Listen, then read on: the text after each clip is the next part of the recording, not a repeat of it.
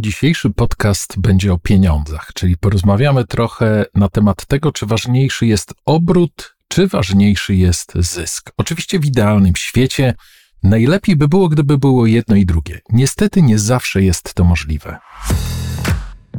Dzień dobry, witam Cię na kanale Człowiek w Biznesie. Człowiek w Biznesie to podcast o tym, jak mądrze sprzedawać, czyli jak sprzedawać dużo, jak sprzedawać drogo ale przede wszystkim jak stale budować rosnącą grupę ambasadorów Twojej marki.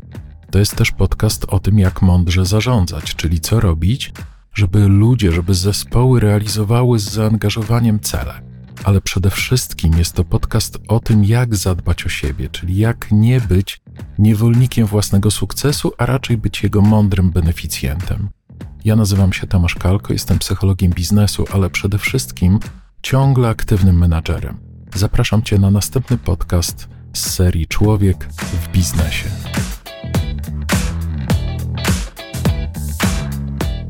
Czyli dzisiaj omówimy jeden z klasycznych dylematów przedsiębiorcy: sprzedawać taniej, ale dużo, czy być ekskluzywnym dostawcą, sprzedawać mniej, ale zarabiać więcej. Oczywiście, zanim zaczniemy, zanim wejdziemy w szczegół, to jedna bardzo ważna uwaga. Użyliśmy tutaj prostego skrótu myślowego obrót czy zysk. Warto pamiętać, że tak naprawdę to będziemy raczej rozmawiali o marży, a nie o zysku, dlatego że zysk jest wynikiem decyzji wtórnych przedsiębiorcy.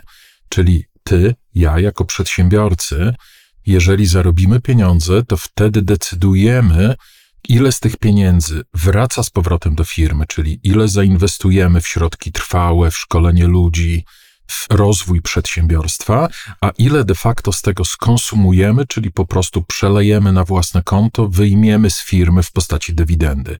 No więc wracając do naszego dylematu, czyli czy więcej zarabiać, czy generować obrót, będzie to zależne tak naprawdę od wielu czynników. Po pierwsze, to jest kwestia, ilu masz klientów na rynku. Jeżeli Twoich potencjalnych klientów jest bardzo dużo, to możliwe, że bardzo rozsądną decyzją będzie obniżenie ceny produktu i generowanie dużego obrotu i zarabianie na obrocie, a nie na pojedynczym produkcie, na pojedynczej usłudze. Jeżeli Twoich klientów jest mało, to od razu myśl kategoriami, lepiej więcej zarabiać, lepiej być ekskluzywnym dostawcą, lepiej zarabiać dużo na pojedynczej transakcji, dlatego że jeżeli Twoich klientów jest mało, to pozyskanie tego klienta będzie drogie. Więc od razu warto myśleć tymi kategoriami, że Twój produkt, Twoja usługa powinny być ekskluzywne.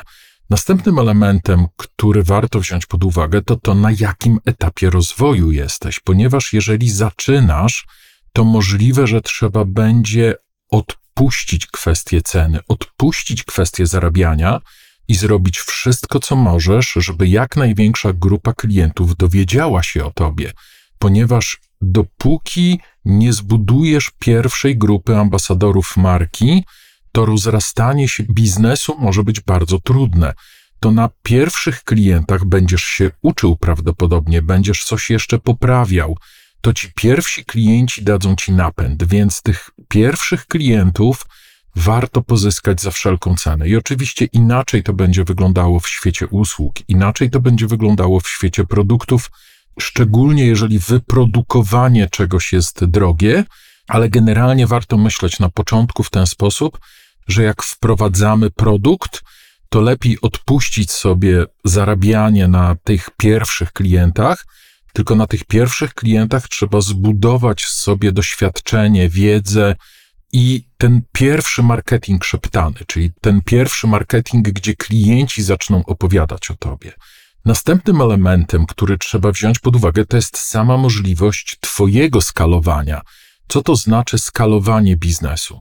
To znaczy, że jeżeli wyobrażam sobie na przykład chłopaka, który kupił sobie cykliniarkę do podłogi, no i teraz jego możliwość skalowania jest dość ograniczona. Oczywiście na początku będzie chciał pozyskać pierwszych klientów, ale na pewnym etapie okaże się, że on w ciągu tygodnia jest w stanie wycyklinować konkretną ilość metrów kwadratowych i tyle, Czyli mówiąc najprościej, od razu trzeba mieć gdzieś z tyłu głowy dążenie do ekskluzywności, czyli raczej bycie drogim na rynku, robienie wszystkiego, żeby generować zysk na tym, co robię, ponieważ jeżeli mój czas jest ograniczony albo środki produkcji są ograniczone i nie jestem w stanie wyprodukować dużo jednostek tego, co oferuję, albo świadczyć usług, no to w tym momencie obniżanie ceny i robienie tego tanio jest samobójstwem biznesowym, więc od razu, od samego początku,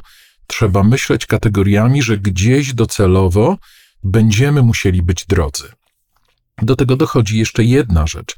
Na ile Twój produkt lub Twoja usługa w ogóle mogą należeć do tej grupy produktów luksusowych? Trzeba mieć świadomość, że jest grupa klientów, która chce mieć coś wyjątkowego. I czasem ta wyjątkowość jest związana po prostu z produktem, to jest tak jak luksusowe torebki czy luksusowe samochody, ale czasem to jest związane po prostu tylko i wyłącznie z taką stuprocentową gwarancją, że będę miał święty spokój, że to, co kupię, ten produkt lub ta usługa, dają mi te 99% gwarancji, że to spełni moje oczekiwania, że to się nie będzie psuło, że ja nie będę do tego wracał. Czyli czasem wcale nie chodzi o tą ekskluzywność taką na zewnątrz, tylko chodzi po prostu o święty spokój, o tą gwarancję, że to spełni to wszystko, te wszystkie moje nadzieje, które pokładam w tym produkcie, w tej usłudze. I uwaga, są ludzie, którzy za takie poczucie bezpieczeństwa są w stanie zapłacić bardzo dużo pieniędzy. Tylko oczywiście muszą mieć pewność. I tutaj znowu się kłaniają te same rzeczy, czyli najpierw marketing, czyli musisz mieć nadmiar klientów. Z tych klientów musisz umieć rozmawiać z tymi klientami, po to, żeby oni zrozumieli, co im oferujesz, jaką wartość dajesz, a na końcu musisz tą wartość rzeczywiście dowieść. Jeżeli masz jeszcze ten dylemat, czy obrót, czy zysk, to pamiętaj jeszcze, że możesz przestawiać ten proces, czyli możesz zacząć od sprzedawania swojego produktu lub usługi trochę taniej, a później podnosić wartość tego produktu lub usługi. Jest taka teoria, że jeżeli już zaniżysz wartość, to się z tego nigdy nie wygrzebiesz. Moim zdaniem to nieprawda. I oczywiście, żeby było jasne, inaczej to wygląda w świecie produktów, trochę inaczej w świecie usług, ale jednak powiedzenie jasno rynkowi, jesteśmy na początku, jesteście naszymi pierwszymi klientami, dajemy wam coś ekstra, dajemy wam ekstra cenę, po to, żebyście pomogli nam wprowadzić to w rynek, ale wiedzcie, że ten produkt, który daje wam za 100 jednostek, jest warty, nie wiem, 120 albo 300 jednostek, już jest prostym komunikatem. Już od samego początku możemy jasno komunikować, że to, co dostajesz, pomimo tego, że dostajesz w cenie niskiej, tak naprawdę jest ekskluzywne i tak naprawdę powinno być drogie. Więc można sobie z tym poradzić. To nie znaczy, że jeżeli z jakiegoś powodu musisz sprzedawać tanio, nie możesz sprzedawać wartości, czyli znowu wraca to samo. Zobaczcie, jeżeli nawet musisz sprzedać tanio, to zawsze sprzedawaj wartość, bo to cię będzie podnosiło na rynku.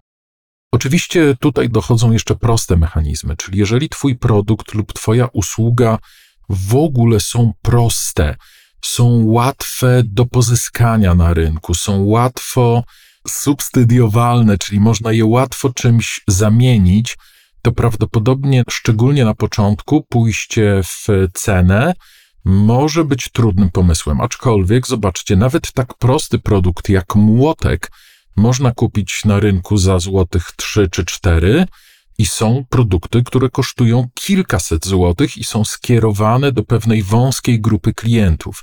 Więc nawet w tych rynkach, gdzie sprzedajemy teoretycznie produkt bardzo prosty, są tacy, którzy już to zauważyli, że są grupy klientów, którzy chcą mieć najwyższą jakość, więc od razu warto myśleć tymi kategoriami. Do tego jeszcze trzeba mieć z tyłu głowy coś takiego jak dywersyfikację marek lub dywersyfikację klientów. Czyli popatrz na Toyotę i na Lexusa. Toyota mogłaby produkować ekskluzywne samochody pod marką Toyota, ale z jakiegoś powodu jednak stworzyła markę Lexus, ponieważ to jest produkt do zupełnie innej grupy klientów. To jest trochę podobna historia jak historia Kodaka. Kodak swego czasu miał 90% rynku filmów fotograficznych, jeszcze w czasu analogowej fotografii. I bardzo byli niezadowoleni z tego, że jest gdzieś te 10% rynku, które tracą, i próbując walczyć o te 10% najtańszych klientów, de facto stracili tych najlepszych. Gdyby spróbowali wyeksplorować ten rynek 10% najtańszych klientów pod innym brandem, pod inną marką, oferując im jakiś zupełnie inny produkt, nie nazywający się Kodak, możliwe, żeby im się to udało, czyli możliwe, żeby nie zepsuli sobie tej głównej marki, tego głównego brandu i jednocześnie w jakiś tam sposób istnieli w tych produktach tanich. Więc czasem też ważna jest, bardzo wysoka świadomość, gdzie są Twoi klienci i pod jaką marką im oferujesz to, co sprzedajesz, ponieważ jeżeli pod jedną marką będziesz sprzedawał produkt, no, średni jakościowo, bardzo tanio, i będziesz próbował pod tą samą marką produkt dużo lepszy, oferować dużo, dużo, dużo drożej, to klienci mogą mieć dysonanse poznawcze, czyli to może być bardzo trudne. Więc czasem ta decyzja, czy obrót, czy zysk, może być bardzo powiązana z tym, jak dywersyfikujesz swoich klientów i swoją markę. I teraz znowu, jeżeli Twoje przedsiębiorstwo jest bardzo małe, jeżeli świadczysz usługi, to to wszystko raczej jest nie dla Ciebie, to raczej tego nie wykorzystasz.